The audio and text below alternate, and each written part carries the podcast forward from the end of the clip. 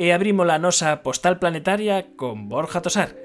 Borja Tosar, moi boas tardes. Moi boas tardes, Manuel.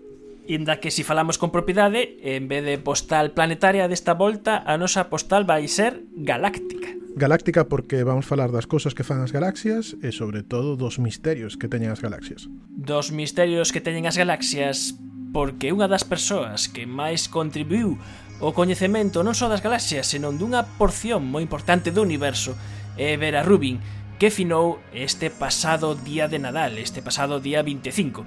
E así podemos aproveitar nesta postal planetaria para falar de galaxias, de materia escura e coñecer un pouco a vida de, de Vera Rubin.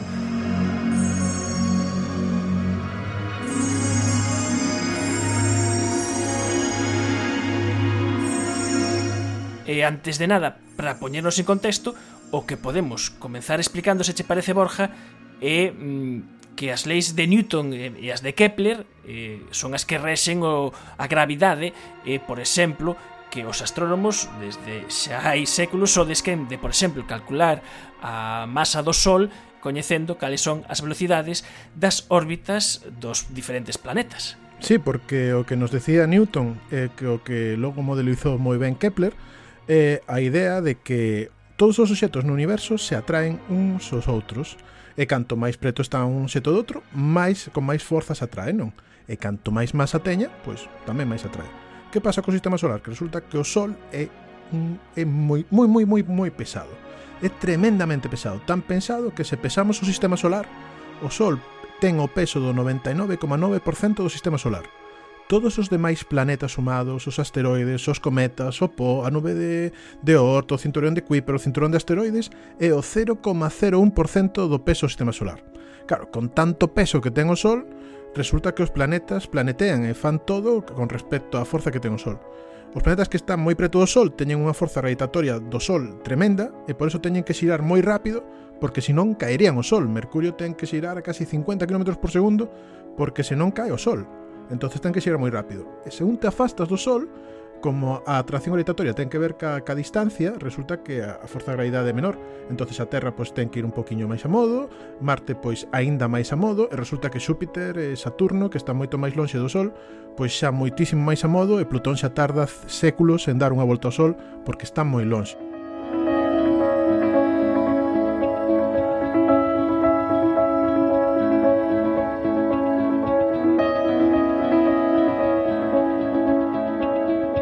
Así é como funciona a gravidade, esa atracción que depende eh, do inverso da distancia ao cadrado, que é o que estudiábamos eh, nos tempos nos que nos empapábamos do que é isto da gravitación universal, pero isto non só va, non só sirve para explicar como funciona o sistema solar, senón tamén como, por exemplo, funcionan as galaxias e as estrelas dentro das galaxias. A idea que temos de como funciona a gravidade é que debe funcionar o mesmo do, do o mesmo exemplo do sistema solar debe ser válido para as galaxias. As galaxias eh, teñen máis ou menos eh, unha forma de disco, en proporción son moi parecidas a un CD de música destos vellos que había antes, e resulta que, que polo que sabemos de como brillan as galaxias, a maior cantidad de brillo está no núcleo ou no centro das galaxias. Entonces supoñamos que, que se brilla moito ali, debe haber moita masa. Entonces entendemos que a maior parte da masa das galaxias está no centro das galaxias, e que claro, logo según te afastas do, do centro da galaxia, pois as cousas hai menos masa e deberían ir máis lentas como no sistema solar os planetas.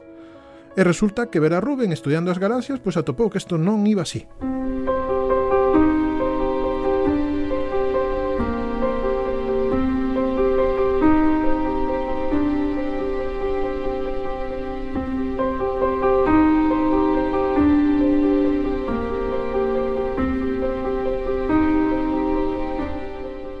Rubin rompeu ese esquema, rachou.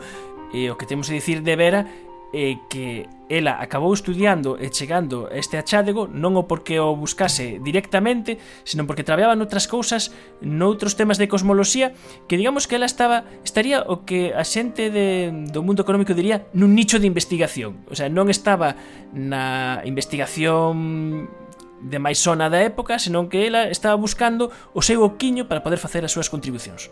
Vera quería ser cosmóloga, que, que cosmóloga é a parte da astronomía que trata das grandes preguntas de de onde surdiu o universo, do Big Bang, eh, de como vai afinar o universo.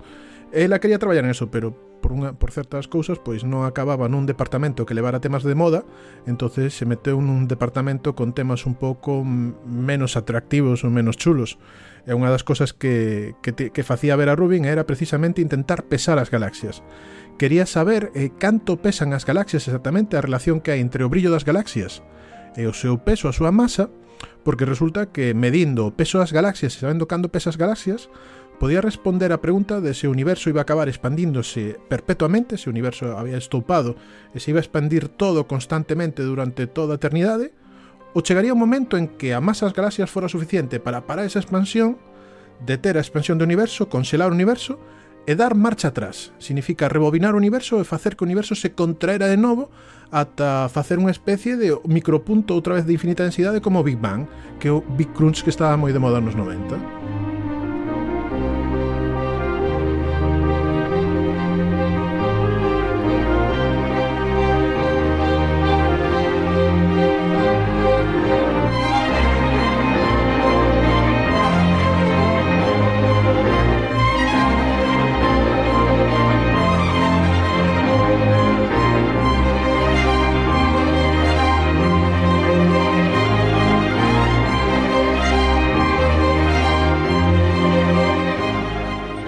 nesas andaba a traballar eh, Vera utilizando ademais técnicas eh, sofisticadas que lle daban ventaxa sobre os seus colegas. Sí, eh, en astronomía a, a tecnoloxía que, a, que apliques, os instrumentos que utilices son definitivas a hora de descubrir cousas. Eh, antes de Galileo, antes do telescopio, sabíamos que había cinco planetas no sistema solar.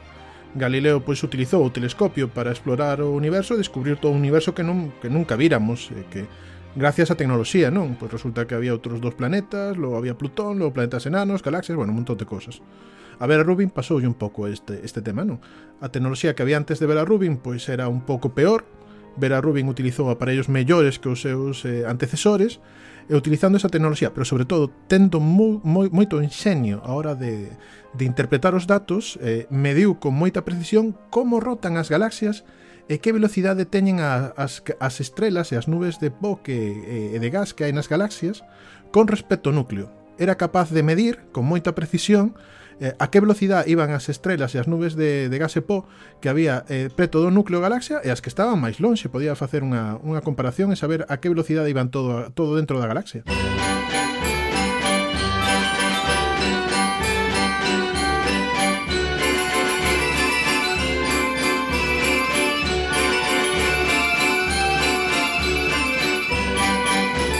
esta é unha música típica de, de carrusel, eh, porque lá que estaba vendo era un carrusel. Estaba vendo os cabaliños eh, que xiraban e eh, que, bueno, pode ser un pouco mareante. Si sí, é un pouco mareante o, o dos carruseles, pero a verdade é que o sistema é o mesmo. Vera Rubin o que facía era do mesmo xeito que se nós nos poñemos nun carrusel e vemos uns cabaliños, pois dependendo de como xiro o carrusel, pero uns cabaliños eh, achegaránse hacia nós porque verán da parte traseira e outros alonxaránse de nós.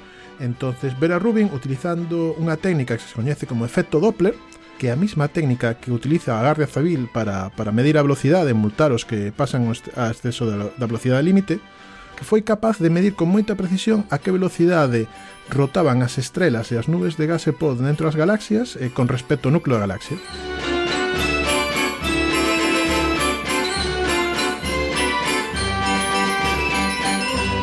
E o que descubriu foi increíble, que resulta que non pasa o mesmo que pasaba no sistema solar, que resulta que as estrelas e todo o que ten unha galaxia, conforme vais máis palo do, do núcleo, resulta que vai igual a velocidade que as cousas que están preto do núcleo e non só iso, senón que hai galaxias en que as cousas que están no borde do, da galaxia pois van máis rápido que as cousas que están de preto do núcleo da galaxia, que era sorprendente, totalmente inesperado.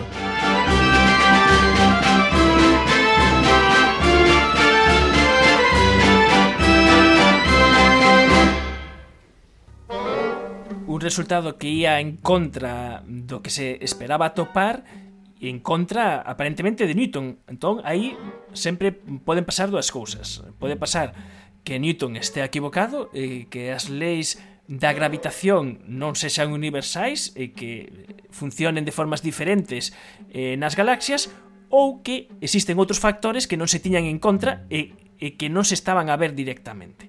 O acerto de Vera Rubin foi precisamente ser totalmente implacable cos datos, ela tiña esos datos, esta, confiaba na, na súa metodoloxía observacional, ela sabía que estaba facendo as cousas ben, eso é o que pasa, pois resulta que as estrelas van a esa velocidade e non hai nada que facerlle, non?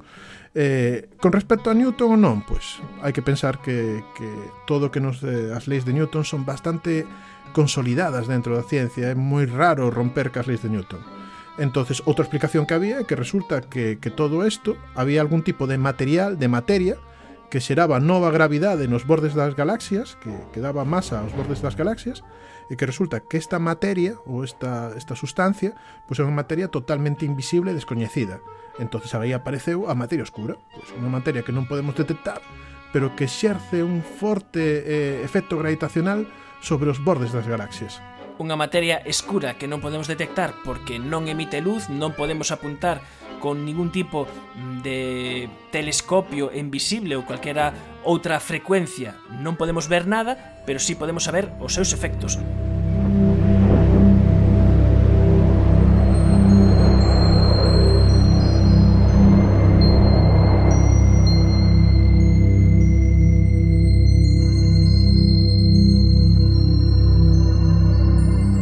nome de materia escura foi un gran acerto tamén. Claro, isto xa se sospeitaba, ou xa había algún tipo de observación, eh, Siqui eh, nos anos 30 xa detectou algo parecido, non na rotación das galaxias, pero sí en como se moven as galaxias unha, unhas con respecto a outras dentro dos cúmulos de galaxias, non lle dou tampouco moitísima importancia, pero chamable, claro, isto é unha anomalía de masa perdida, non chamaballe, non?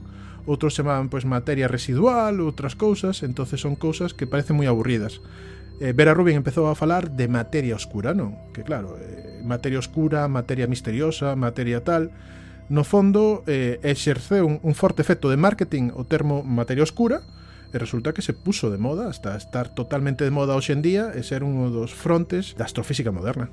As evidencias que achegou Vera Rubin entón foron quen de convencer ao conxunto da comunidade cosmolóxica e, e científica sobre esas evidencias que xa viñan dos anos 30 empezaban a ver esas pistas desa materia escura pero non foi hasta que chegou Vera ata que todo o mundo eh, concordou en que o modelo tiña que ser así.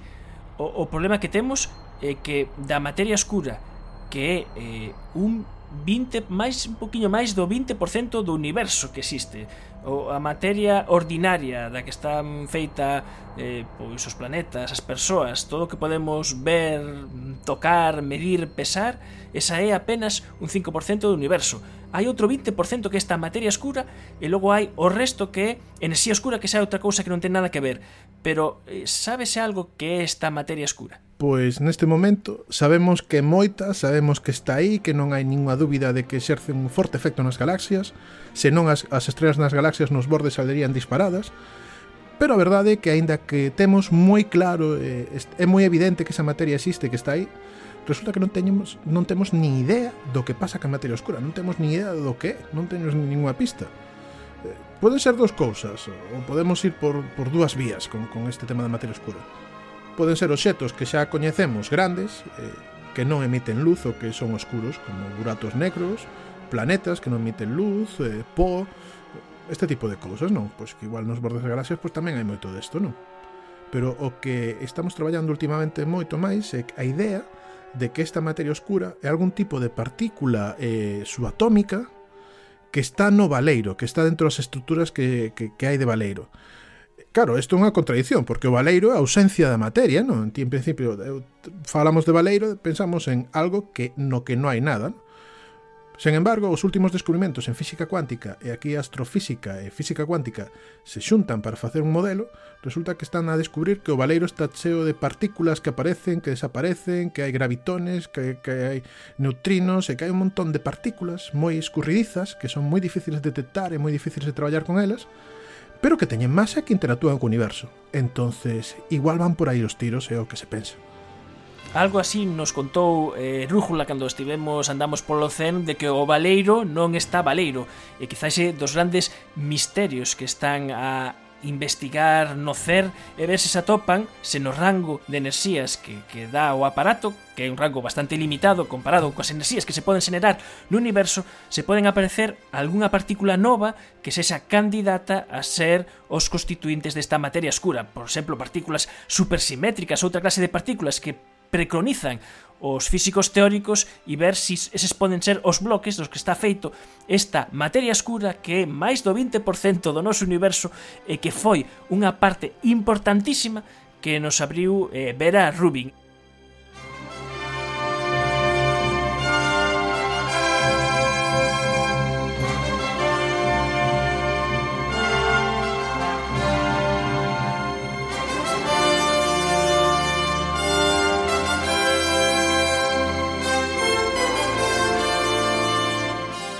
E xa para matar, Borja, eu non sei, ti non estás no Comité Nobel, pero ti lle darías a ver a Rubin o Nobel por este achádego da materia escura? A ver, eu son moi bo tipo, eu, eu che daría o Nobel a ti.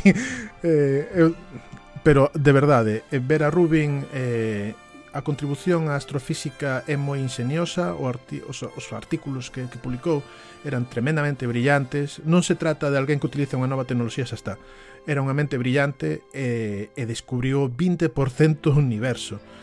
Claro que merece o Nobel, merecía o Nobel, e a pena é que agora de agora xa pois o Nobel non se dá a científicos eh, que non estén vivos.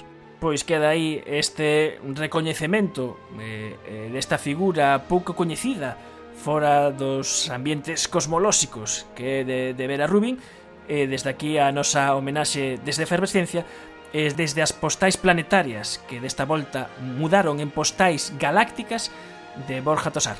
Moi boas tardes, Borja. Unha aperta, Manuel.